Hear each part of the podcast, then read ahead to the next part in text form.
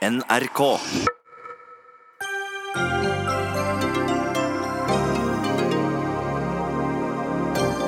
Flere nye varsler mot tidligere Unge Høyre-leder. Høyre beklager sin egen håndtering av saken.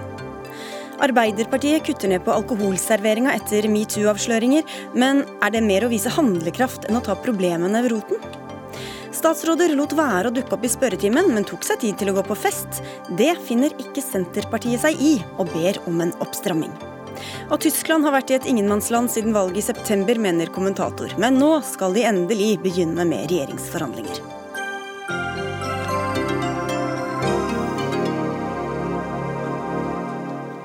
Dette er Dagsnytt 18. Jeg heter Sigrid Solund. Høyre og Unge Høyre har svikta grovt. Det innrømmer partiet selv etter at det er kommet flere varsler om den nå avgåtte Unge Høyre-lederen Christian Tonning Riise. Varslerne forteller om uakseptabel oppførsel og uønsket seksuell oppmerksomhet. Velkommen tilbake, Jon Ragnar Aarseth. Du er generalsekretær i Høyre, og det er 24 timer siden du var her sist. Det er mye som har skjedd eh, i løpet av det døgnet. Hva vet du nå som du ikke visste i går? Eh, vi har fått eh, flere varsel eh, til Unge Høyre og Høyre i løpet av det døgnet som har gått. Det er personer som nå står fram med historier om ubehagelige opplevelser i, i Unge Høyre. Det er personer som vi tar kontakt med og følger opp, lytter til historiene deres og gir deg den hjelp og støtte som de måtte trenge. Eh, og så bruker vi naturlig nok mye tid på å finne ut av eh, hvordan kunne dette svikte. Eh, for det er åpenbart at, at vi har hatt fundamentale svikt her, som Unge Høyres generalsekretær sier, og det, det er jeg enig i. Når, når, det altså har fått foregå ting som absolutt ikke er bra. Men hvordan, når dere snakker med disse jentene, hvordan, hva sier de om hvordan de føler seg ivaretatt, eller har følt seg ivaretatt og fulgt opp eh, de siste årene? Nei, Jeg vil ikke gå inn på de samtalene som eh, vi har med de som tar kontakt med oss. Eh, vi skal ivareta dem, og deres, deres trygghet og fortrolighet den må stå i sentrum. og så skal vi følge opp de sakene på, på best mulig uh, måte. Uh, men, men nå er vi midt inne i den prosessen at vi tar kontakt med de personene og, og lytter til dem. og Da kan jeg ikke gi, si noe om det. Dere har også fått inn varsler om andre i Høyre. Hvilken del av organisasjonen gjelder det? Det gjelder Unge Høyre. Mm. Hvem er det, da? Nei, ikke navn, ikke... men Er det folk i ledelsen det er snakk om? Eller? Jeg vil ikke gå inn på, på eventuelle navn. Ordene som blir brukt om Tonning Riise er pågående sjekking, ubehagelige opplevelser, skjeve maktforhold og relasjoner til yngre jenter. Hvor stor aldersforskjell har det vært snakk om? Jeg vil ikke gå inn på detaljer i, eh, i sakene, men eh, det er helt åpenbart at eh, han har hatt en atferd og en opptreden i Unge Høyre som ikke har vært bra. Og det er derfor vi er der i dag, at han har gått av som leder i organisasjonen. Og da er det selvfølgelig alvorlig. Men ifølge Aftenposten så er det flere fylkeslag som har sagt at de må passe, måtte passe ekstra på når han kom. Så dette er da altså noe det har vært en bevissthet om. Og hvem har visst om det, og hvem har vært bevisst dette? Ja, Vi prøver òg å få klarhet i og um, innsikt i alle de forhold som blir, eh, som blir presentert for oss, eh, og, og, og, få oversikt over hva som er eh, real, de faktiske realitetene her. Eh, faktum er at han har hatt en opptreden som ikke har eh, vært forenlig med å være leder i Unge Høyre. Eh, og Det har han fått beskjed om, det har han tatt konsekvensen av, og han har trukket seg som, som leder, og det er bra. I går så snakket vi litt om hvordan han la fram dette da han ga beskjed om at han gikk av. Hvor ærlig opplever du at han har vært i kommunikasjon med dere? Ja, Han har, eh, etter mine vurderinger i dag, så har han ikke eh, fortalt eh, hele, hele sanninga. Og det syns jeg er dumt. For han har fått vite om at hans oppførsel ikke har vært bra de siste årene? Ja, mange har eh, gått i seg sjøl eh, i det døgnet som eh, har gått, eh, halvannet døgnet som har gått etter at han eh, eh trekte seg som, som unge Høyre-leder. Og, eh, og, flere erkjenner at her gjorde en for lite. har påpekt atferd opp gjennom åra, men, men tatt, tatt, for, tatt for lett på det ikke vært tydelig nok, eh, ikke gjort det klart nok for han, eh, ikke sørga for å få slutt på dårlig oppførsel, og, og latt det gå for lang tid. Historiene er altså tilbake fra 2013 og til nå, så dette gjelder altså saker som var før han ble valgt til Unge Høyre-leder, og før han fikk vervet som stortingsrepresentant i en strid om den førsteplassen. Hadde han fått disse vervene hvis Høyre hadde håndtert dette på en ordentlig måte? Mm. Eh, ja, Det er mange spørsmål som det er interessant å, å, å se i retrospekt. Eh, Hva tror du? Det som, det som er mest opptatt av nå eh, Men Tror du, tror du at han hadde det, fått det? Jeg har, jeg, har, ikke tenkt mye på det i dag. Det jeg har tenkt mest på i dag, det er å håndtere de personene som nå har tatt mot til seg for å fortelle om sine opplevelser som ikke har vært bra, i møte med personer i Unge Høyre. Og det er den, den oppfølginga jeg har brukt mest krefter på i dag. Men hva gjør dere med de vervene han har nå, da? Man kan jo ikke ta fram stortingsplassen, men Nei, Han har jo trukket seg fra det eh, viktige vervet han har hatt, nemlig å være leder i Unge Høyre. Det har han ikke lenger. Han har ikke lenger verv i den organisasjonen. Mm. Et av tiltakene deres er at Unge Høyre nå slutter med alkoholservering på arrangementene sine. At en person sliter med å takle promillen, hvorfor skal det få så vidtrekkende konsekvenser for alle? Eh, unge Høyre har eh, vært klare og tydelige i dag på at dette er et forbud som de innfører eh, umiddelbart. Og eh, det er en erkjennelse av at eh, alkohol innimellom er en utfordring på eh, Unge Høyre sine arrangement, men også at det er eh, krevende og ugreit å ha alkohol eh, på samlinga og i et fellesskap der det er mange som er under 18 år. Og Jeg syns det er en klok beslutning. Vi skal følge opp dette, men du skal få eh, lov til å gå, Jon Ragnar Aarse. Takk skal du ha for at du kom. Det er ikke bare Unge Høyre som skrur igjen krana nå. Arbeiderpartiet skal også slutte å betale for alkohol på partiarrangementer. Det sa du i debatten i NRK i går, Arbeiderpartileder Jonas Gahr Støre. Men hva skal det løse? Nei, eh, jeg tror det er et veldig viktig signal eh, om at eh, de pengene Arbeiderpartiet har, skal gå til politikk. Den kontingenten folk betaler, skal gå til organisasjon og politisk arbeid. Økonomiske årsaker? Nei, men det er et signal om hva vi skal drive med. Og så er det signal nummer to. Det er jo da å erkjenne Dette er ikke et, en pekefinger om at folk ikke kan drikke alkohol. Det kommer nok til å være alkohol også på arrangementer som vi har. Men da må folk kjøpe det selv, og så må vi lage ordninger for det. Men det er et signal om at Uh, alkohol uh, i passe former, det er jo som regel greit. Men alkohol kommer ofte også i upassende former, for mye. Da er det ikke greit. Og jeg vil være den første til å si at alkohol unnskylder ikke det vi har sett de siste dagene når det gjelder oppførsel. Men legg merke til nesten alle sakene vi hører om, der er alkohol, overdrevet bruk av alkohol sterkt inne. Så hvis vi nå tar tiltak som gjør at det er tryggere for å være på uh, arenaer i sosiale sammenhenger hvor det er begrenset med alkohol, og kanskje ikke alkohol, arrangementer hvor det ikke er alkohol i det hele tatt, det mener jeg er et helt naturlig uh, signal å sende. Uh, og det var naturlig å gjøre det nå. Camilla Lynne Bakking, du er fagleder i Akan kompetansesenter. Dere gir jo råd til bedrifter om alkoholbruk. Jeg kan jo stille deg det samme spørsmålet. Hva løser, hva løser dette, tror du? For det første så tenker vi også at det er et viktig signal. Eh, og det er jo et, eh, et tiltak for oss å begrense inntaket i de situasjonene. Um, og det, det, er viktig å få fram. Uh, og så er det noe med at vi ønsker jo ikke alkoholen til livs, men det er jo de negative konsekvensene. Uh, så i tillegg til et sånt enkelttiltak, så vil jo vi anbefale å ha en tydelig holdning, gjerne nedfelt i noen kjøreregler en, eller en policy, som sier noe om hvordan ønsker vi å ha det hos oss når vi drikker alkohol sammen, i alle disse sosiale situasjonene. Hva er greit, hva er ikke greit, og ikke minst hvordan skal vi håndtere de situasjonene som ikke er greie. For det ser vi og erfarer vi skaper eh, trygghet, som igjen skaper åpenhet. For man må tørre å si ifra om de ubehagelige situasjonene. Men er det gitt at, man, at alle drikker mindre for det om de må betale for det sjøl? Nei, det er jo ikke det. For det er jo som Støre sier, at det er jo tilgjengelig, eh, og folk kan kjøpe det selv. Men det, det, sender noen signaler. Men da kommer jo det arbeidet med å ha den grunnleggende holdningen inne, sånn at vi vet hva som forventes av oss. Og vi erfarer at vi er for dårlige til å snakke om dette her. Og det er jo et paradoks når over 85% av oss drikker alkohol på den vanlige norske måten. Eh, og arbeidslivet Var det for mye, eller?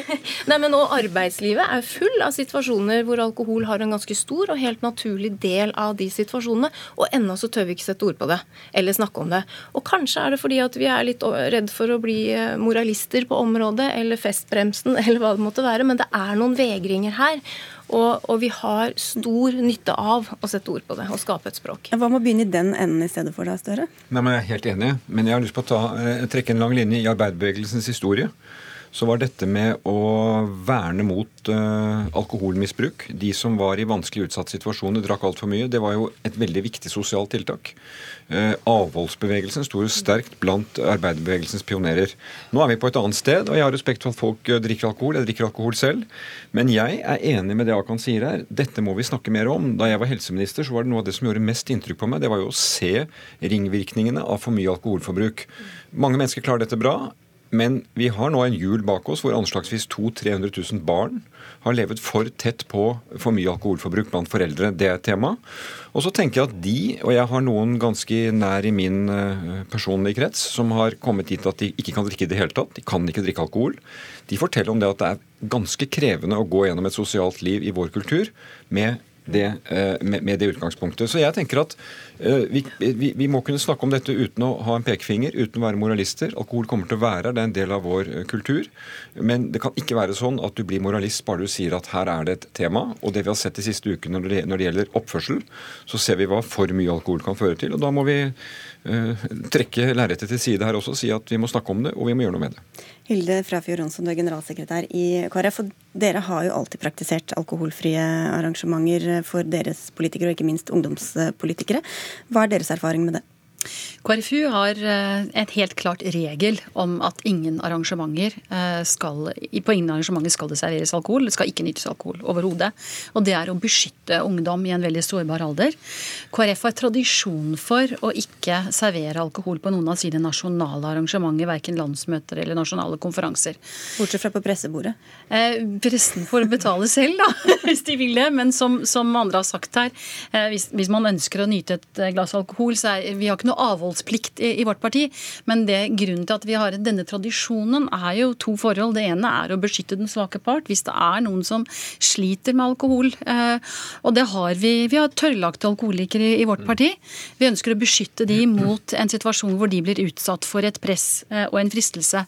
Eh, det samme er jo en situasjon hvor, eh, som vi har sett, da, elefanten i rommet i denne metoo-debatten, som flere har sagt, det er jo at Eh, alkohol fører til at mange mister litt av de, sine naturlige grenser. Og hvor det er ubalanse i maktforhold, så kan dette slå forferdelig uheldig ut. Men samtidig så kommer det f.eks. i dag nyheten om at Fremskrittspartiets Ulf Leirstein har invitert til trekantsex med en 15-åring i FPU, eh, hvor det antagelig ikke var alkohol involvert når han sendte de SMS-ene. Og du har også eh, sittet her og snakket om overtramp i, de, i, deres organisasjon, som antagelig da også skjedde i all edruelighet. Kan det gi en falsk trygghet å liksom fokusere veldig mye på denne alkoholen? Det er jo aldri noen garantier for at uh, forferdelige ting kan skje. Det, og det kan skje i alle partier.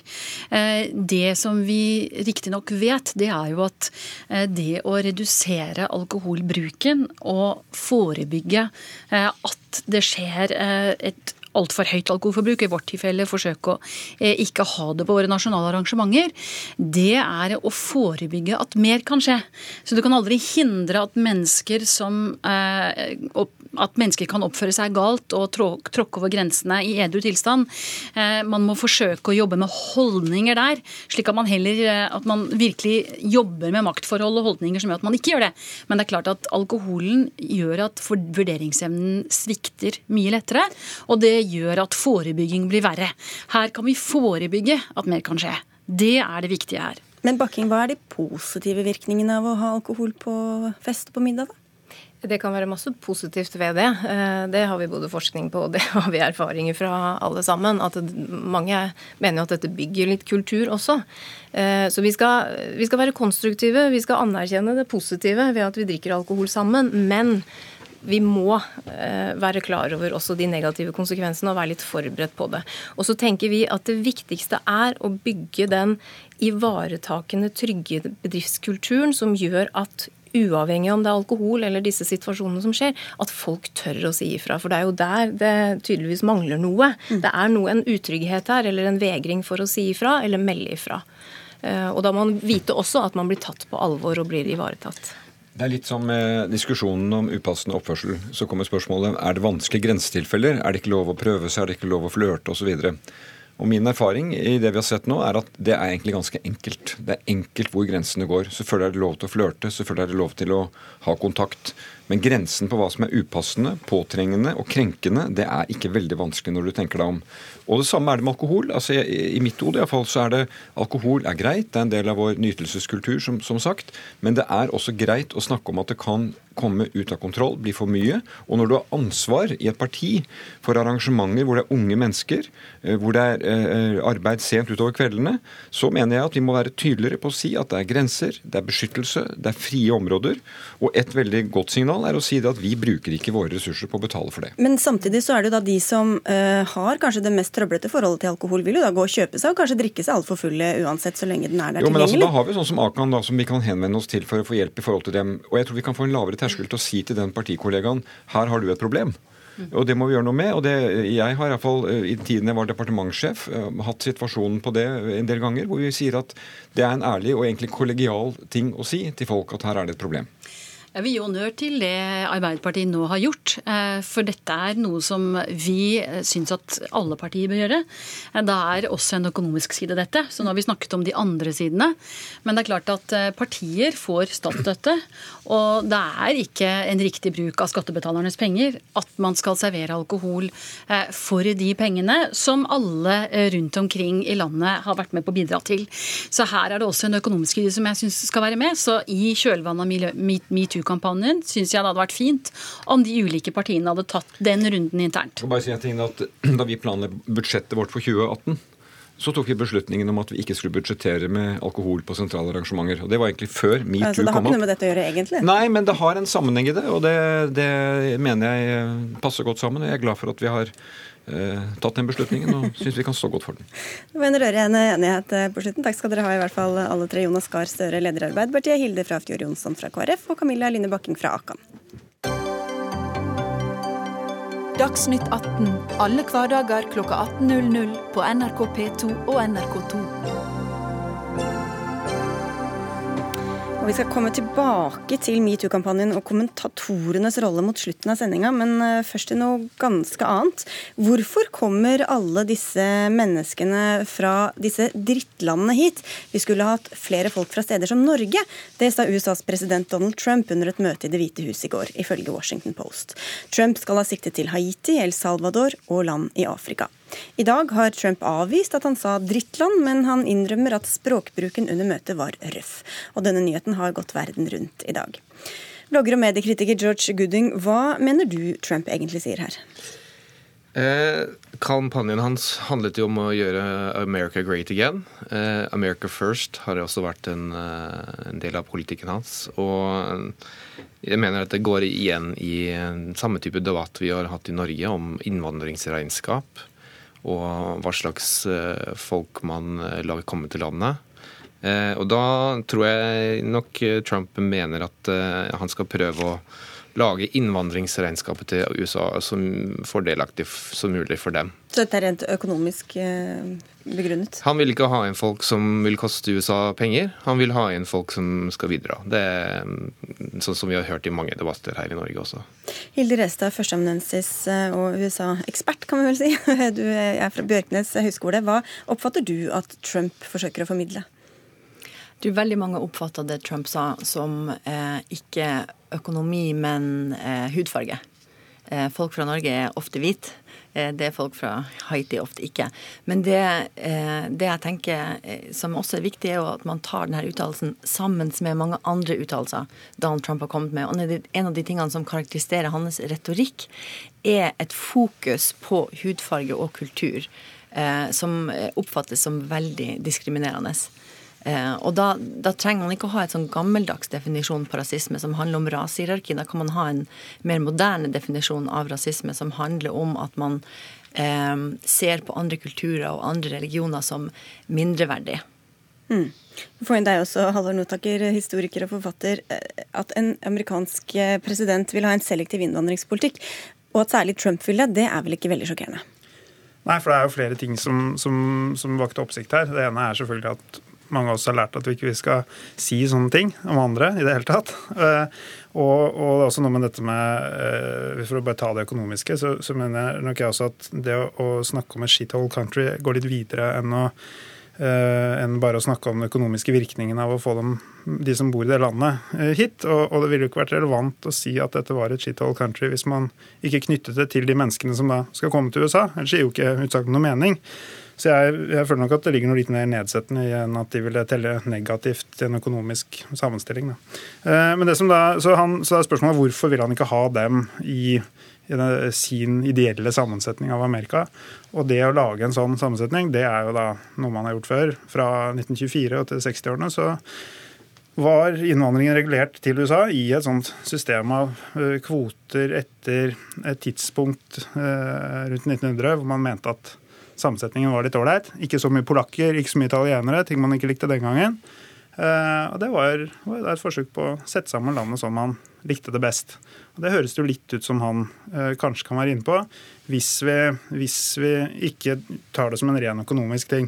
Da ville man kanskje gått mer på det individuelle og sagt at du skal ha individuelle krav til økonomisk bærekraft. fordi en haitianer som kan ta vare på seg selv, kan jo ikke være noe mer belastende enn en nordmann. Så, så, så, jeg kjøper ikke helt det økonomiske alene. Nei, Så du skjønner godt at dette blir oppfatta som rasistisk? Ja, jeg, det alltid, jeg blir oppfatta som rasistisk. At mm. utsagnet kan oppfattes rasistisk, er jo ikke noe, noe tvil om, syns jeg. fordi det er vanskelig å finne ut ellers hva det er som gjør et menneske til en skithold innbygger, eh, enn at man kommer fra akkurat det landet. Jeg vil bare sitere noe fra en norsk politiker. Eh, man trenger ikke å være rakettforsker for å skjønne at det koster å ta imot folk fra krigsherja land uten en stat, uten skole og uten oppegående styresett. Uh, det kommer an på den personen. Og, og, en annen politiker har skrevet Hvem er den politikeren du siterer? Det skal jeg komme tilbake til. Um, og en annen politiker har skrevet 'drittlandet Saudi-Arabia'. Uh, er det sånn at vi skal da tolke det som et rasistisk utbrudd mot uh, muslimer fordi uh, man snakker om Saudi-Arabia? Eller skal man uh, Altså krigsherja land uten stat, uten skole. Det er, jo, det er, jo, egentlig det vi snakker om her. land som er kollapsa, og som skaper problemer for innbyggerne sine. Og de menneskene trenger mye mer enn andre mennesker. Det er det det er snakk om her. Det kommer an på konteksten. Altså. UDI, UDI, har en, UDI har en rød liste av land. Og de aller fleste på det, den lista er jo de samme typer landene som Trump snakker om. Og hvorfor har vi en rød liste? Det, det, det, det går jo på problemland. Det vi snakker om her, er, Trump sine uttalelser, og, og, på hvilken måte Trump ser ut til å rangere ulike kulturer eh, og grupper i USA. Eh, og nå har han en veldig lang liste av ting han har sagt siden han stilte som kandidat, eh, som har blitt oppfatta i USA som rasistisk. Han har snakka om meksikanere som voldtektsmenn. Han har snakka om at han ønsker ikke at muslimer skal komme til USA. Når det var et terrorangrep i Charlottesville, Virginia, så sa han at det var 'very fine people on both sides'. Eh, når han snakker om fjerning av borgerkrigsmonumenter, så sier han at 'they're trying to take away our culture'. 'They're trying to take away our history'. Det er veldig vanskelig, mener jeg, basert på Trumps uttalelser, å ikke konkludere med at Trumps definisjon på hva det egentlig er å være amerikaner, er eh, innebærer det å ha en hvit eh, hudfarge, og at han er veldig skeptisk til ikke-hvite ikke-kristne. Og som David Gergen, som har jobba for Nixon, Ford, Bush senior og Bill Clinton, sa på scenen i natt, så sa han at Trumps budskap var If you're not white, you're not welcome. Men det er jo tolkninger av det. Han, eh, som Gooding er inne på, hvis, hvis, hvis han bare ser til hvilke, hvilke, borgere fra hvilke land som lønner seg i Gåstein å ta imot, er det nødvendigvis rasistisk bare ut fra det? Det, det, er veldig vanskelig for meg å svare på om, om Trump er rasistisk i hjertet sitt. Og akkurat, akkurat han sa i natt, kan man sikkert tolke på mange ulike måter. Men når man ser det i kontekst med det Trump har sagt før, så danner det seg et bilde av en mann som har diskriminerende og til dels rasistiske uttalelser. Og det her er også en mann som starta sin valgkamp med, eh, før 2015 eh, med denne såkalte birther-konspirasjonen, eh, som da hevder at USA sin første svarte president ikke egentlig var født i USA. Videre så har Trump som president hatt prominente rådgivere som står for en nasjonalistisk og antimuslimsk politikk. Så jeg tenker at det her er egentlig ikke så veldig vanskelig. Er det så rart at det blir oppfatta sånn da, Guding? Nei, vi, vi, jeg er jo stadig vekk her for å snakke om rasisme, fordi alt skal handle om rasisme hele tida. Eh, men, men syns du han har kommet med, syns med uttalelser som, som er ja, ja, rasistiske? Ja, ja, klart det. Mm. Men, men, det betyr ikke at det, hver eneste gang han sier noe, så skal vi tolke det i den banen. fordi da går vi glipp av hva de andre hører når han snakker om dette her. Når vanlige amerikanere hører han snakke om dette her, så, så hører de det økonomiske budskapet bak. at vi vil ikke ha flere inn her som skaper mer kostnader og problemer for oss. Det er det de hører. Hvis vi andre bare snakker om rasisme, så, så, så kobler de bare helt ut. Men hvorfor, hvorfor, skal han da Det virker som han har en oppfatning om at disse landene er iboende på en eller annen spesiell måte eh, shitholes, og at det er relevant for hva det vil bety å få mennesker dit til Amerika. Da er de jo ikke lenger i dette eh, dritthullet hvor de kommer fra. Men de har tydeligvis med seg dritthullheten i seg selv, da, på en eller annen måte. Det syns jeg er rart. Men hvis man, hadde, hvis ja, man var opptatt Et øyeblikk, bare. Et øyeblikk. Et øyeblikk. Hvis, hvis man var opptatt av økonomi, så hadde man da bare kunnet si, eh, som Trump snakker om i andre sammenhenger, at han vil ha et merit-based system. Altså han vil ha et sånt system hvor du slipper inn basert på individuelle kriterier. Du som kommer inn, må bidra. Eh, men det er jo et individ... Altså de med utdannelse, utdannelse inntekt osv. Og, og det, det, er han opptatt av på andre områder. Og Da vil det også være naturlig å, å kanskje uh, bruke det kriteriet hvis, uh, hvis, det er økonomi man er opptatt av. Så er det helt klart, da. Det er snakk om bl.a. hvem som skal sendes ut, og hvem som skal få være i USA inntil videre mens uh, man venter på at det skal bli tryggere det landet de kommer fra. Eh, og da koster det så klart mer å vente med å sende tilbake masse eh, folk fra et krigsherjet land uten ordentlig utdanning, enn å sende tilbake folk til Norge, som ikke er så innmari aktuelt. Men, men det er jo en litt kunstig uh, sammenstilling. Så jeg skjønner ikke helt hvor Trump ville med å si hvorfor må vi ha så mye haitianere mens vi venter på at jordskjelvkonsekvensene skal gå over. Kan vi ikke få folk fra Norge? Det er, vel, det er kjemperart å si. Han vet kanskje ikke så mye om migranter fra Norge, Gudding? eller jeg vet ikke. Nei, men Norge er et, en av de mest, om ikke det mest velstående landet i verden. Det er ikke noe som venter på å bli sendt tilbake til Norge.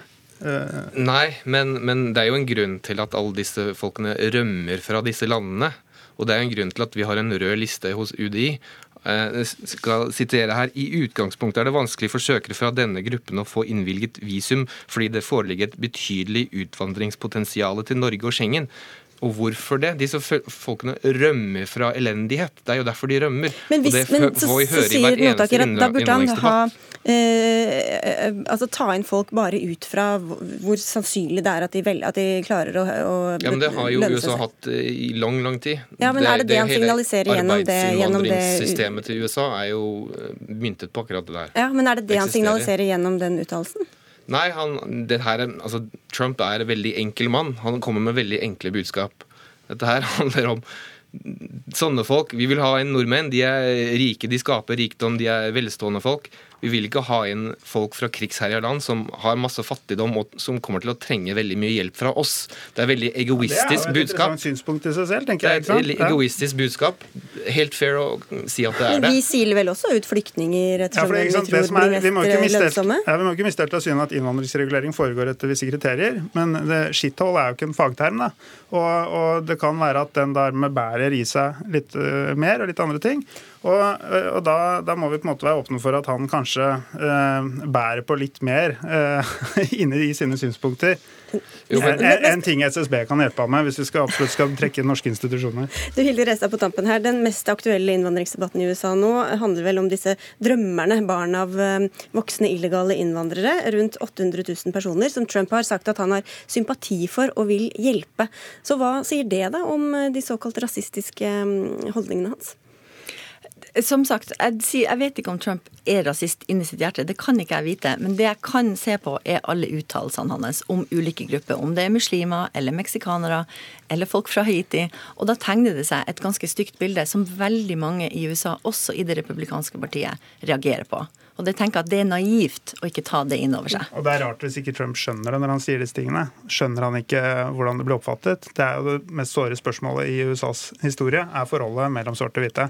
Nå har han jo da nektet for at han sa det, men vi fikk i hvert fall en debatt av det i Dagsnytt 18. Takk skal dere ha, Halvard Notaker, George Gooding og Hilde Restad.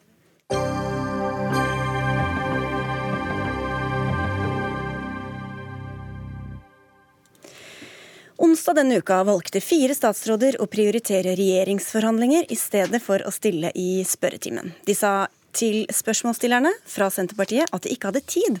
Men tre av disse, Bent Høie, Jan Tore Sanner og Ketil Solvik-Olsen, hadde likevel tid til å få med seg NHOs årskonferansefest kvelden før. Og dette ser du på med ublide øyne, Marit Arnstad. Du er stortingsrepresentant for Senterpartiet og sendte et brev til Stortingets presidentskap og ba dem stramme opp statsministeren. Hvorfor gjorde du det? Ja, Det er jo fordi at det er, litt, det er ganske strenge regler for Eh, statsrådenes eh, plikt til å komme til Stortinget. Eh, det er jo sånn at det er en statsråds mest grunnleggende oppgave at han eller hun da, skal møte i Stortinget, delta i debatter, svare på spørsmål. Og de fleste statsråder vet jo godt at onsdager da er det spørretime. Og da skal det gode grunner til for å være borte. Det er gyldig grunn dersom du er utenlands. Og det er også sånn at det har blitt akseptert at hvis det blir en avtale med den den spørreren, den stortingsrepresentanten som spør, så kan du eh, få en settestatsråd som da ikke er konstitusjonelt ansvarlig for det området. Men i dette tilfellet så ønska jo ikke vi noen andre statsråder. Vi ønska at de, de, statsrådene som var konstitusjonelt ansvarlig, også skulle komme til Stortinget. Men Jeg nevnte NHOs årsmiddag. Det var også andre arrangementer som andre deltok på. Hva har det med saken å gjøre, tror du, syns du? Jo, det har jo samla sett å gjøre med det her med at eh, regjeringa nok syns de har vært inne i en travel periode med regjeringsforhandlinger. Og at de derfor ikke kunne avse et par timer til å komme i Stortinget og svare på spørsmål. Eh, men hvis det virkelig var så travelt, så burde de jo selvsagt hatt mulighet til å kunne forhandle på tirsdagskvelden. Eh, og så ha mulighet til å komme til Stortinget et par timer på onsdagen. I stedet så valgte de å gjøre det motsatte. De tok seg fri på tirsdagskvelden, eh, reiste på NHOs årsmiddag, eh, men sa altså blankt nei til å komme til Stortinget. og Det syns jeg er svært uheldig. og Jeg mener også at det eh, endrer spillereglene mellom storting og regjering. Svein Harberg, stortingsrepresentant fra Høyre. Statsråd hadde altså tid til NHO-fest, men ikke til spørretime. Hva slags prioriteringer er det? Hvordan statsrådene prioriterer sin hverdag, det skal ikke jeg kommentere. Jeg vet det at de står på eh, til alle tider. Men hva syns du om den prioriteringen? Arnstad, når Arnstad sier at de tok seg fri for å være på NHO, NHO, eh, så vil jeg vel heller si at de tok jobben på alvor og møtte opp eh, i en setting der det er særdeles viktig at statsråden er til stede. Eh, og ikke, ikke noe fri. Men hvorfor er det, er det viktigere at de er til stede på NHOs årsmiddag enn at de er til stede i spørretimen? Det kan ikke settes opp mot hverandre på noen som helst måte. Det er riktig som Marit Arnstad sier, at det er eh, på sin plass at eh, statsrådene stiller opp i Stortinget, enten det er saker som diskuteres eller det er spørretimen. Akkurat som representantene i utgangspunktet har plikt til å møte i Stortinget. Så har vi noen praktiske innretninger som gjør at hverdagen skal gå rundt. Statsråder er rundt på møter. De reiser til utlandet, som Arnstad viser til. De er opptatt med andre ting i Norge. Og jeg har ledet uh, kulturkomiteen på Stortinget i fire år og forhandlet med statsråden om når de skal være i salen og når de skal møte opp. Og vi lager praktiske regler for det. Så Hva betyr det at du syns Senterpartiet var litt vel strenge i denne saken, eller? Jeg syns det var veldig lite fleksibel fra mm. Senterpartiet sin side med spørsmål som overhodet ikke var tidshastige, verken i sin form eller innhold. Eh, og jeg opplever nok at Senterpartiet her driver et politisk spill uten sak. Det er jo de sjøl som i trontaledebatten sa at nå måtte jammen altså Erna få fortgang i disse forhandlingene og få fram en regjeringsplattform. Men nå haster det tydeligvis ikke fullt så mye, sier de i brevet til presidentskapet. Men da må jeg høre med deg, Arnstad. altså At dere spurte akkurat disse statsrådene som dere visste satt og, satt og forhandla, hvor tilfeldig var det egentlig? Nei, Det er ikke noe tvil om at vi ville minne statsrådene på at det finnes et storting og en stortingssal der statsrådene har å innfinne seg når de blir de, innkalt. Hvorfor akkurat de som satt og, og forhandla? Ja, Vi stilte spørsmål til flere òg. Vi gjorde det. Så hvis du så, så stilte vi to til finansministeren, og vi stilte også en til jeg mener det var klimaministeren eller kulturministeren. Finansministeren var vel også at, på Men det er klart at det er ikke noe tvil om at vi ønsker å minne også dem som sitter i regjeringsforhandlingene på at de er eh, ansvarlige overfor et storting, eh, og at det å møte i Stortinget går foran nesten alt en statsråd gjør, så lenge statsråden er innenlands. Det er jo riktig at vi i mange sammenhenger har prøvd å finne praktiske løsninger på debatter og debattdager. Men alle de praktiske løsningene og den velviljen fra ulike partier, den bygger jo på at statsrådene har respekt for at den grunnleggende oppgaven deres det er faktisk å delta i Stortingets debatter.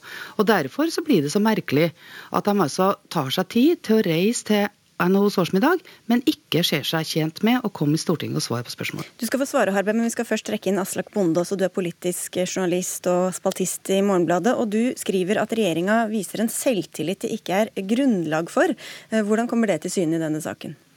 Ja, jeg syns denne saken er interessant fordi eh, de, når de, de, gir blaffen i Stortinget, og man kan skjønne dem fordi Senterpartiet har drevet litt spill her, det, det, har de. Men det er Senterpartiet som har de konstitusjonelle reglene på sin side. Og når Stortinget ber en statsråd om å komme, så skal han eller hun komme. Og det er et veldig viktig prinsipp i eh, det politiske systemet vårt. Og når da statsrådene bare gir blaffen, så vitner det om en selvtillit. Altså De tror de er veldig, veldig sterke. Og det er jo faktisk sånn at de er veldig svak, denne regjeringen. Den har ikke flertallet bak seg i Stortinget. Og det er litt sånn pussig, syns jeg. Pussig, Harberg? Ja, det er mye som er pussig i denne diskusjonen her. Jeg er i hvert fall glad for at alle er enige om at det er et politisk spill. Og det innrømmer jo for så vidt eh, Arnstad. Det var vel ikke akkurat det hun sa, men Jeg syns ikke det er et tegn på at, eh, at regjeringen er arrogant eller eller opptrer på en sånn måte. Eh, jeg tror for det første til det Arnstad sier, at når de sitter i regjeringsforhandlinger, så er de veldig klar over at de har et storting å forholde seg til. De er nå opptatt av å få landa de forhandlingene for at Stortinget skal få en redegjørelse for hva de nå vil jobbe sammen Men for. Men da kan man jo fortsatt spørre det du egentlig ikke svarte helt på i stad, hvorfor de da prioriterer andre ting som å gå på, på, fest. Selv om du sier at det hører til jobben, så er det veldig mange ting man kan eh, gå på og gjøre som en statsråd som for så vidt hører inn under jobben? Ja, På den kvelden så var det slik at flere av de som er involvert i forhandlingene, hadde andre oppgaver og var vekke fra forhandlingene. Eh, og så tar de en pause. Det er flere pauser i forhandlingene, det må en ha. En kan ikke sitte døgnet rundt. Og så har de satt i gang igjen da, denne dagen.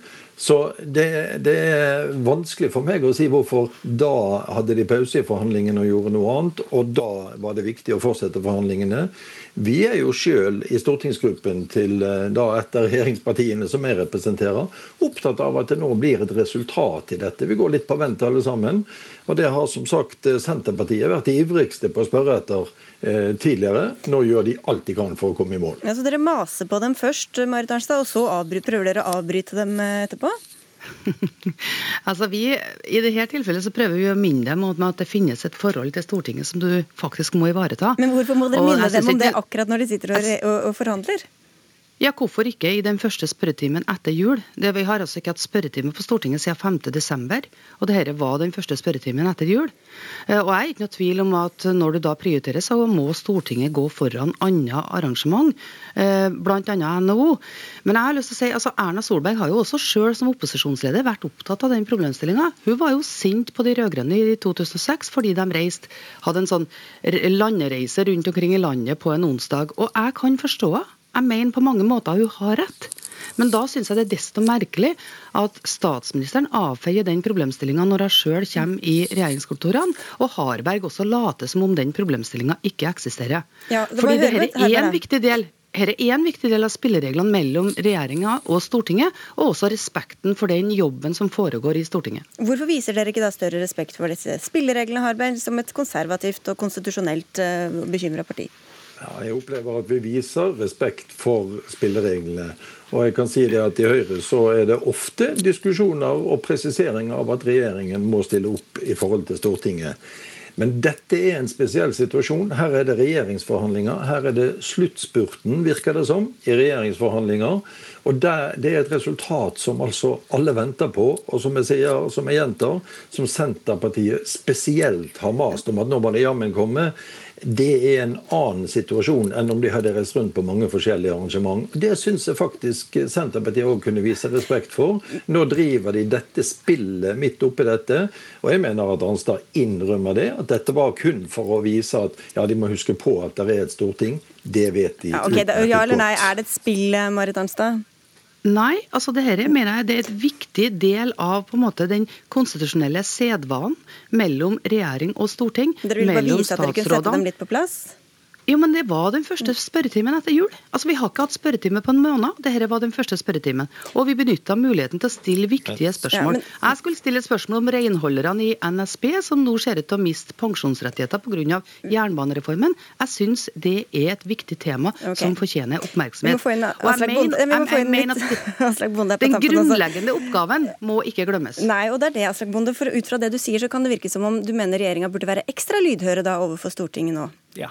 Det er egentlig poenget mitt. At, eh, at eh, de er veldig freidige, og de burde ikke være så freidige. Og de kan bli overmodige nå, og de kan eh, falle med et brak hvis de fortsetter å være så overmodige, for de provoserer Stortinget veldig. Men et, et uh, no-show i spørretimen, er det, er det, liksom et tegn på noe større, mener du? Det er ikke nok i seg selv i det hele tatt. Så, men jeg syns det er et interessant ett tegn på noe som det kan komme mer av. Og det må også kobles til noe som ble sagt før jul av statsministeren, som forsvant helt i Giske-saken.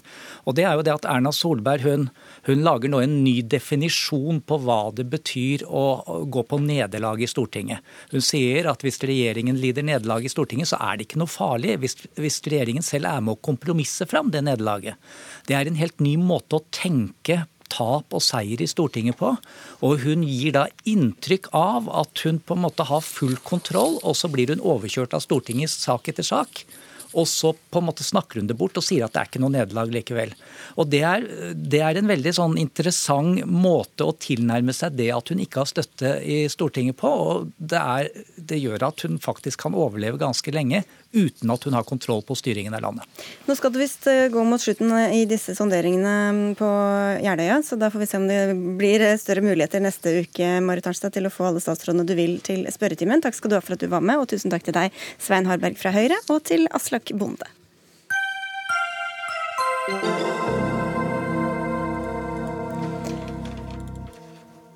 I dag kan Tysklands forbundskansler Angela Merkel endelig puste letta ut, i hvert fall litt. Etter at landet har vært styrt av et forretningsministerium siden valget i september, kunne Merkel på en pressekonferanse legge fram et utkast til regjeringserklæring. Intense sonderinger den siste uka gjør at Merkels parti CDU nå går videre med forhandlinger, sammen med det bayerske søsterpartiet CSU og sosialdemokratiske SPD.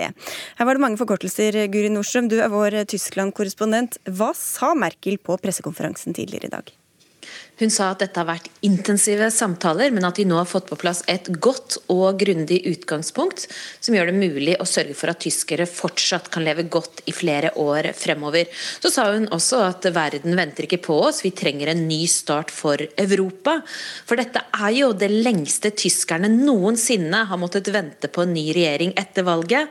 Og da hun møtte partifellene nå i ettermiddag etter denne pressekonferansen, så var hun tydelig på at man må få opp dampen, og at hun håpet å få en ny regjering i boks allerede før karnevalet, som da altså er i midten av eh, februar. Men dette 28 mm, sider lange utkastet til regjeringserklæring, hva, hva, hva inneholder det? Ja, noe av det viktigste der det er spørsmålene om innvandring og skatt. Når det gjelder innvandring, så er de tre partiene blitt enige om å sette en grense på at antall asylankomster eh, skal ligge mellom 180 000 til 220 000 i året. De er også enige om at familiegjenforeninger skal begrenses til 1000 personer i måneden. Når det gjelder skatt, så ble de enige om å ikke øke toppskatten, til tross for at dette var noe sosialdemokratene ønsket sterkt. Og de skal også begynne å bygge ned den såkalte solidaritetsskatten som ble innført her i Tyskland etter at landet ble gjenforent for å bygge opp de tidligere delstatene i Øst-Tyskland. Une Brattberg, du er kommentator i Vårt Land og skrev en kommentar i går med overskriften 'Merkels hodepiner Tyskland er i ingenmannsland'. Vil det lette Merkels hodepiner at, at dette nå er eh, på glid? Ja, det, det, må vi absolutt kunne si. At hun har jo, nå er et steg videre, eller de er et steg videre, og det er et mindre nervøst og kanskje litt mer håndfaste eh, ting å gå videre med nå. Men eh, det skal fremdeles eh, godkjennes hos eh, sosialdemokratene i senere i januar om det blir reelle forhandlinger. Så det er jo et stykke igjen, da. Og SPD gjorde jo et historisk dårlig valg, og de ville jo ikke være med i denne eh, i en ny koalisjonsregjering. Men nå er de da med. Mm. Og så var jo Guri Nordstrøm inne på hvor viktig det var for Tyskland, men hvor viktig er det også for Europa at eh, det nå kommer en ordentlig regjering på plass? Ja, altså EU, eh, Tyskland er jo motoren i EU og den største økonomien, og det er klart det er kjempeviktig at de er på plass. Og det er mange EU-reformer som blir satt på vent eh, når Tyskland ikke er med og bl.a. om eurosonen og eh, et nytt asylsystem. Men jeg syns også det er eh, viktig at Tyskland er sterk og tydelig i fordi at EU har jo også land som ikke er interessert i å være med på noe asyldugnad. F.eks. Ungarn og Polen og Slovakia og Slovenia. Og der er det viktig at de er med. Mm. Hvor viktig har disse mm, elementene, eller vanskelige, vært for, eh, for arbeidet Nordstrøm, dette med asyl og innvandring? Ja, Dette spørsmålet det har jo vært akilleshælen helt siden migrantkrisa i 2015. Og med valgresultatet i september, der det sterkt innvandringskritiske partiet Alternativ for Tyskland ble landets tredje største parti og kom inn i forbundsdagen for første gang, så har det vært ekstra viktig for disse partiene å markere seg på dette området. Og den som nok er mest fornøyd med nattens forhandlinger rundt dette, det er han som leder søsterpartiet til CDU, altså CSU i Bayern, Horst Seehofer for ham har det vært veldig viktig å vise til at de har en streng innvandringspolitikk med konkrete tiltak. fordi til høsten er det delstatsvalg i Bayern. Og ettersom dette er en grensedelstat, så har dette spørsmålet vært ekstra stort der. Hvorfor er dette blitt så vanskelig for Merkel eh, når økonomien går så bra og arbeidsledigheten eh, ikke er høyere enn den er, altså ganske lav nå i forhold til tidligere Brattberg? Nei, altså hun, eh, hun, er jo svekka fordi at hun gjorde et dårlig valg. Eh, og hun klarte ikke å, å få et, eh, et, alternativ på plass i november. Og det har liksom gått over 100 dager. Det, og at hun, selv om ting går bra i Tyskland, så mener jeg også at enig i at AFDs brakvalg må jo, må jo, ha gjort henne helt fortvila, og at det er, det er, det som er en av de store utfordringene. Hvor krevende blir det for henne da, hvis hun nå får på plass en regjering, men hvor det er ekstremt store indre spenninger og ulike interesser? Nei, jeg tenker at de, de, er jo i hvert fall eh, fornøyd med å komme et stykke videre. Eh, og, og, og de ser vel at total, totalt sett så er det viktigere at Tyskland får en styringsdyktig regjering på plass. Mm. Er det noe alternativ, Nordstrøm? Ja, altså, Det pekes jo på at det egentlig ikke er noe annet reelt valg. Eh, for at man skal kunne danne en flertallsregjering, så må dette gå i boks. Hvis ikke disse forhandlingene lykkes, så er det to scenarioer som står igjen. Det ene er mindretallsregjering, altså at CDU og CSU styrer alene. Det andre er nyvalg. Og av de to så er nyvalg i så fall det mest sannsynlige. Men heller ikke det blir sett på som noen god løsning, fordi alle meningsmålinger til nå viser at valgresultatet fra september ikke kommer til å endre seg noe særlig ved et, et nyvalg. sånn at eh, det vil bare være å skyve problemene foran seg. Mm. Vi får følge med. Tusen takk skal dere ha begge to, Guri Nordstrøm i Tyskland og Une Brattberg fra Vårt Land. Hør Dagsnytt 18 når du vil. Radio NRK Radio.nrk.no. Det har nå kommet en hastemelding om at eh, Fremskrittspartiets Ulf Leirstein trekker seg som parlamentarisk nestleder og justispolitisk talsmann i eh, Frp. Det opplyser han til NRK, og det blir mer om det i våre sendinger utover eh, kvelden. Og vi skal også tilbake til konsekvensene av metoo-kampanjen, som dette hører innom, og som vi var innom i begynnelsen av denne Dagsnytt 18-sendinga. Og nærmere bestemt til saken om Arbeiderpartiets Trond Giske, og hvordan den er blitt behandlet av kommentatorene i mediene. Er de blitt aktører i saken? Arno Holm, du er redaktør i High North News, og skriver i en kommentar i Nordlys at kommentariatet har overtatt både som parlament og domstol. Hva sikter du til da? Nei, Dette er et forsøk på å kaste stein i glasshus, eh, for da singler det best. Eh, og Det er et forsøk på å analysere litt av den maktbasen som eh, kommentatorer har opparbeidet i denne saken. Fordi det blir så tydelig i denne saken, og et spørsmål om hvordan denne makta brukes. For Giske-saken, i alt sitt brutale alvor, har åpna et slags medialt tomrom som skal fylles. Og det skal fylles døgnet rundt og det fylles for tida av en kjerne dyktige journalister, men meningsbærere som opptrer både som dommere, i den grad at de i veldig høyt tempo forlanger hva som skal skje, skal forklare hva som skal skje, samtidig som de på et vis ønsker å, å, å fremstå som nøytrale veivisere i fraværet av politikere i debatten. Ja, hvordan har de påvirket selve sakens gang, mener du? Jeg tror det finnes flere eksempler på hvordan man har påvirka dette. Uh, en del av de kravene som ble stilt, uh, har veike politikere en tendens til å etterkomme til, til fordel for den prosessen de, de sjøl skal føre. Et sånn det finnes en del enkle eksempler på det. Eh, av en eller annen grunn så fant man det betimelig å, å, å rette sterk kritikk mot at eh, Giske fikk slippe til i Dagsrevyen og beklage og forklare sin sak.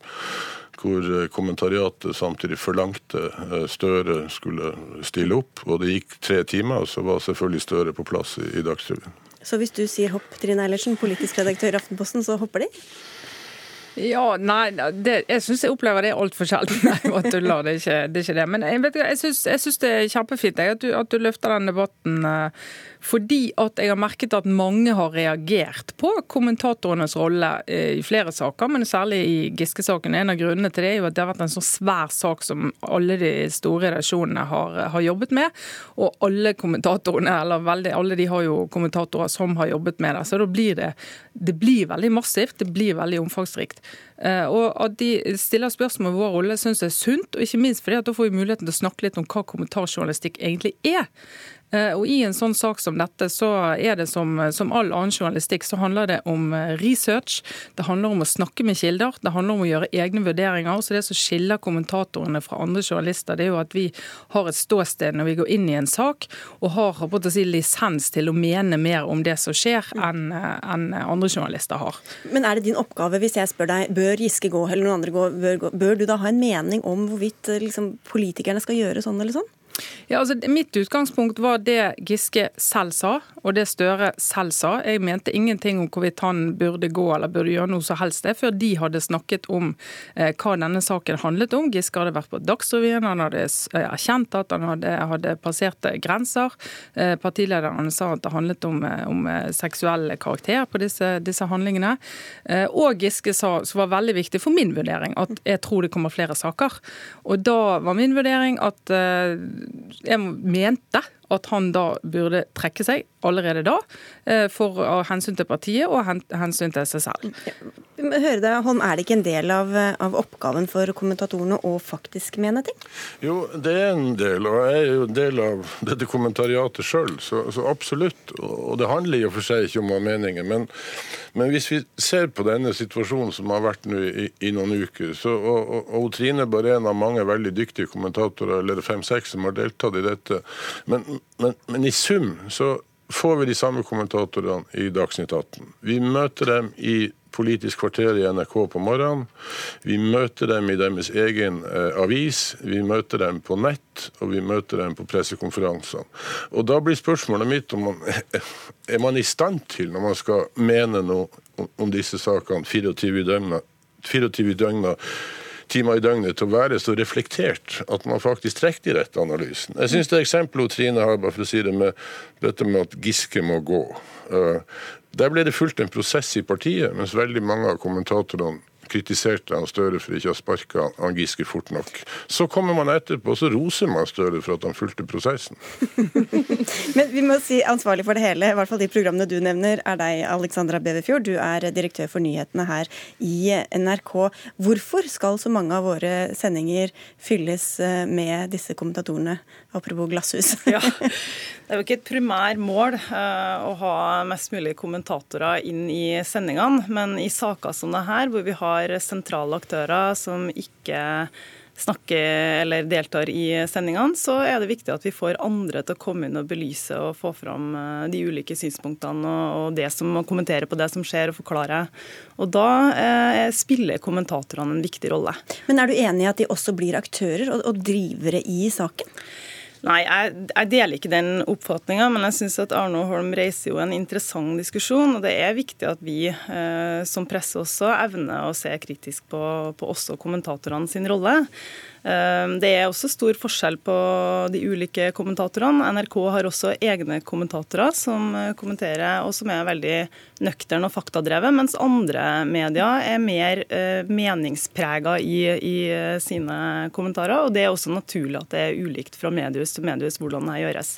Men uansett så er det sånn at alle er underlagt de samme etiske kravene, og alle sammen er underlagt Vær varsom-plakaten eh, som utgangspunkt. Arne Holm, nå er jeg redd for å fornærme noen her, men det er jo ofte sånn at vi ringer til Trine Eilertsen hvis uh, Siv Jensen ikke kommer, for å si det sånn. Eller uh, Jonas Gahr Støre. Altså, når politikerne nekter å komme og, og svare, men vi ønsker jo å dekke saken og få vite mer om saken så ringer vi til disse kommentatorene. Er det galt? Det er i og for seg ikke galt, men det er det som er litt spesielt med denne Giske-saken. Det er jo at det, var, det, har vært et totalt politisk fravær. og Dermed så har jo behovet i NRK og andre plasser for å fylle på med kommentatorer vært større enn noen gang.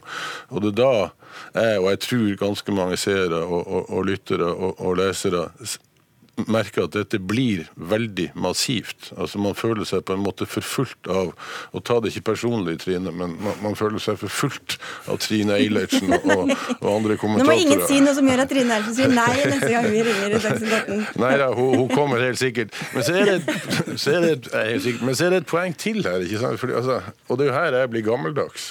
Fordi at Jeg har jo ansvaret for at en del folk har måttet ha gått fra både stilling og posisjon. Men min følelse er at der hvor det tidligere var nyhet, nyhetene i seg sjøl, altså det du kan kalle nyhetsjakten, nyhetsdrevet, som, som flytta posisjoner og som førte til avsløringer, så har kommentariatet overtatt på mange måter den rollen. Fordi man venter ikke på nyheten. Man kommer med spådommene, analysene, påstandene.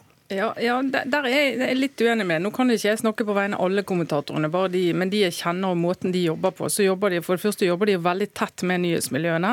Eh, vi diskuterer kilder, vi diskuterer informasjon vi har fått, og vi jobber selvsagt masse med egne kilder. Jeg ville aldri sittet i dette studioet og snakket om Arbeiderpartiet uten å vite hva folk i Arbeiderpartiet mener. Mange av de som er uenige med meg, men en god del er også enig med meg. Eh, og, du plukker opp informasjon og setter sammen og analyserer. Og så er det jo, altså jeg, mener jo at vi ikke har sett eksempler på eh, de politikerne som er så veike. altså En ting er at de stiller opp fordi at noen sier du bør komme i Dagsrevyen, og det er ikke så veldig alvorlig, syns jeg. Men hvor politikere tar veldig eh, viktige beslutninger på grunnlag av, selv om det er et samlet kommentatorkorps mener og sier det, så kommer ikke jeg i farten på at det er det som har vippet saken. Det er jo realitetene i saken som gjelder, og som vi er opptatt av, og som nyhetsjournalistene er opptatt av, og som vi sammen eh, jobber eh, frem så godt vi kan. Eh, og at de er så ryggradsløse at eh, hvis to-tre av oss sitter i dette studioet og sier det samme, så gir de seg. Da er det jo politikerne som har et problem, vil jeg si. Og så er de ikke nødvendigvis enige heller, han. De kommentatorene kan jo mene ganske ulike ting. Ja, I Giske-saken syns jeg ikke det har vært kjennetegnet. Eh, det kan nok være i andre saker at man har større uenighet i sak, men her syns jeg faktisk noe av problemet er at det har vært så stor enighet. Og kanskje skyldes det at det har vært umulig å være uenig i en, i en så alvorlig sak. Men det, men det ligger litt, det ligger litt det er en dimensjon utover Giske-saken i dette også. Og, og, og, som Trine Eilertsen sier, det kan handle om veike politikere. Og det er jeg enig i, fordi vi har hatt fire år, og jeg er jo gammel politisk journalist, med en ganske anonym opposisjon. Så, så journalister har i, i ganske lang tid tatt rollen som den politiske opposisjonen i Norge. Men Bevefjord, hvor mye diskuterer dere i ledelsen om hvorvidt uh, våre sendinger er med på å faktisk påvirke også det politiske utfall? Vi diskuterer jo I denne saken her så har vi selvfølgelig hatt ganske omfattende etiske vurderinger hele veien. Det går på mengde, det går på vekting, det går på stemmer for og imot. Og, og, så det gjør vi løpende vurdering av. Trine Ellersen, nå fikk vi virke det som om du var eh, absolutt ute til enhver tid og mente ting. Er det fristende liksom, å, å, å, for å bryte lydmuren og ha noe nytt å si, at man tar i litt ekstra da, som kommentator for hver gang? Jeg sier rett så det er nei jeg, til å stille opp i dette studioet. Både når jeg ikke har fått tenkt meg om og ikke har fått satt meg inn i ting, eh, og når jeg tenker at eh, jeg snakket om det i går. Det blir veldig voldsomt å snakke gjennom det i dag. Altså Jeg gjør sånne vurderinger. Og det, altså For hver enkelt redaksjon må gjøre vurderinger som handler om omfang og intensitet, og det handler også om denne typen bidrag. Nei, det er, det er, jo kilder i og utenfor partiet som har drevet saken fram, mer enn kommentatorene. Eh, det har vært helt klart. Vet, ja, veldig veldig kort, Arnold. Ja, jeg, jeg, mener å huske, jeg har dessverre ikke fått, fått, fått sjekka det på nytt, så, så, ta det for det det Men jeg mener å huske at i Dagsnytt 18-sending så blir Magnus Takvam spurt om hva kommer til å skje nå, og så svarer han ja, det kommer jo litt an på hva vi sier. Dere, vi må takke for det her. Dag Døre, Marianne Myhrol og jeg, Sigrid Solen, ønsker god helg.